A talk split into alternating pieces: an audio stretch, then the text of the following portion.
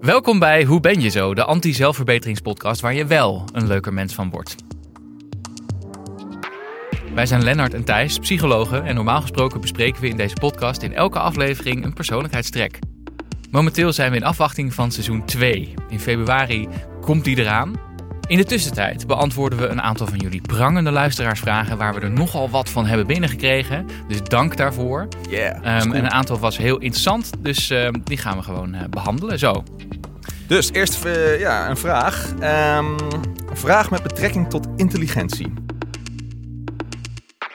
In hoeverre spelen dyslexie en dyscalculie een rol bij intelligentie? En dan eh, staat erachter off the record. Ik scoorde pas heel hoog op een IQ-test toen ik er een kreeg met een ander lettertype, zodat de worsteling met tekst ruimte kon maken voor het beantwoorden van de vragen.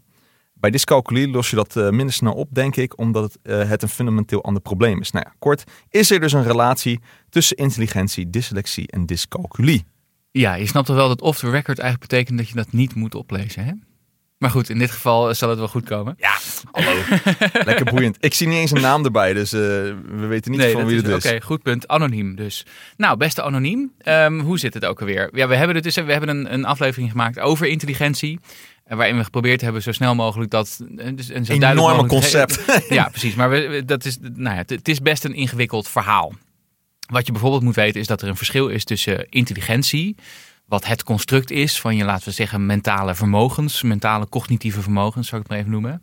En IQ, wat dan weer de uitkomst is van een test die dat meet, die intelligentie meet. Dus IQ is niet hetzelfde als intelligentie. Precies. IQ is de voorspeller of de maat die we gebruiken voor intelligentie. Ja. Dus dat is wel goed, want ik denk dat die ook wel relevant is hier. Um, omdat even om heel kort de, de, de vraag te beantwoorden. Ik denk um, dyscalculie of uh, dyslexie kan ervoor zorgen dat je minder goed scoort op een intelligentietest. Mm -hmm.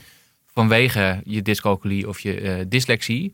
Maar dat hoeft niet per se te betekenen dat, het ook voor, dat je minder intelligentie hebt. Klopt. Dat is, dat, is, dat is het verschil hier, denk ik. Ik heb uh, zelfs, ik, had, ik, ik, wist er eigenlijk niet zo heel erg veel van. Dus ik heb nog even wat dingen opgezocht. En uh, bij dyscalculie zag ik dat er ook wordt gezegd dat je om dyscalculie te diagnosticeren moeten ze eigenlijk ook een intelligentietest doen. En dan moet je een bepaalde standaard deviatie afwijking hebben ja. tussen je uh, IQ-test, die dan een speciale IQ-test die wordt opgezet, zo, hè, zodat je die dyscalculie niet hebt. En een soort van dyscalculie-test. Ja.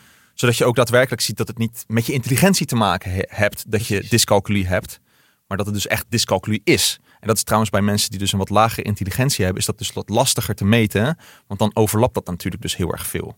Um, dus je hebt eigenlijk, het zijn dus echt wat verschillende constructen. Het zijn echt twee dingen. Verschillende Precies. dingen. Je kan het, uh, het, het, kan invloed hebben dus op je IQ-score en een IQ-test. Maar het, zijn, ja, het is gewoon apart. Ja, dus, dus stel, stel dat er iemand, hè, om nog eens vanuit een ander perspectief te kijken. Stel dat er iemand um, je, je testzaal binnenloopt die laag blijkt te scoren op het, op het schrijven en het spellen van woorden en die niet zo heel goed is in taal. Dan ga je dus op onderzoek uit. En het kan een van de consequenties zijn dat iemand een laag verbaal IQ heeft. Hè, wat natuurlijk ook over spellen en, en, en, en schrijven gaat. En lezen gaat. Maar ook over andere dingen. Bijvoorbeeld woordbegrip. Of je weet wat bepaalde woorden betekenen. Um, grammatica begrip. Hè, dat, soort, dat soort dingen. Conceptbegrip zeg maar. Um, of het kan, het kan zijn dat dat wel intact is dat dat op zich heel erg past bij het niveau waarop de persoon functioneert. Maar dat er iets anders aan de hand is, waardoor die persoon niet zo goed kan lezen of schrijven. Juist. Of niet, he, dus spellen lastig vindt of lezen van Mhm. wo gespelde woorden lastig vindt. Um, en dat, is, dat laatste, dan heb je dus over dyslexie of over dyscalculie als je het over cijfers hebt. Dat zegt dus niet per definitie iets op het over het niveau waarop je uh, cognitief functioneert. Maar wel over heel specifiek het schrijven of het lezen. Ja. Want intelligentie heb je dus, er zijn heel veel verschillende soorten van subfactoren, subintelligenties eigenlijk. En we, en we, we die correleren allemaal erg op, op hè, dus hebben allemaal verband met elkaar op een bepaald niveau. Waardoor we dus spreken over één intelligentie, noemen we ook wel G, van general intelligence. Maar het kan dat een van die subfacetten dus ja, onderbelicht is of niet zo goed is. En dat zou dus ook mede, mede kunnen komen doordat je dyslectisch bent uit een test. Maar het kan dus ook helemaal daar los van staan. Ja. Als je een hogere intelligentie überhaupt hebt en uh, je hebt bijvoorbeeld wel dyslexie, kan het dus zijn dat je op dat verbale stuk of het schrijvenstuk eh, lager scoort, maar dat je over alle andere intelligenties eigenlijk wel gewoon een hoger niveau. Ja, hebt. en nou ga ik hem nog, nog iets ingewikkelder maken. Oh, Dit klopt let's dus go. theoretisch gezien, behalve dat die meestal die te- intelligentietesten ook op schrift zijn. Dus je hebt wel, wel degelijk last in je intelligentietest scoren Mhm.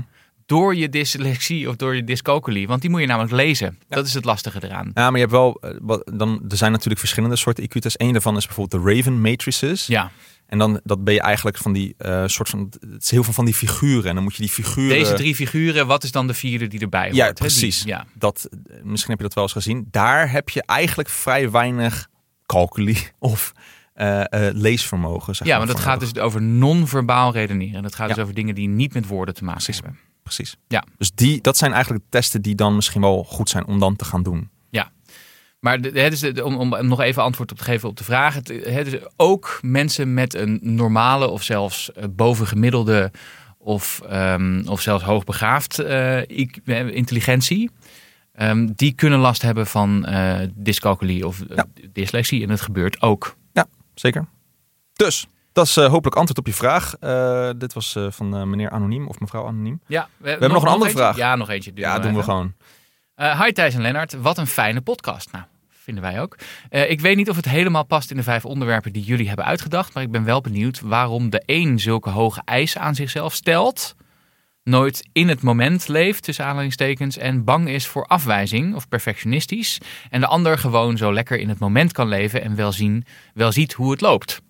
Geen idee of jullie daar wat mee kunnen, maar niet geschoten is altijd mis. Succes van Sarah.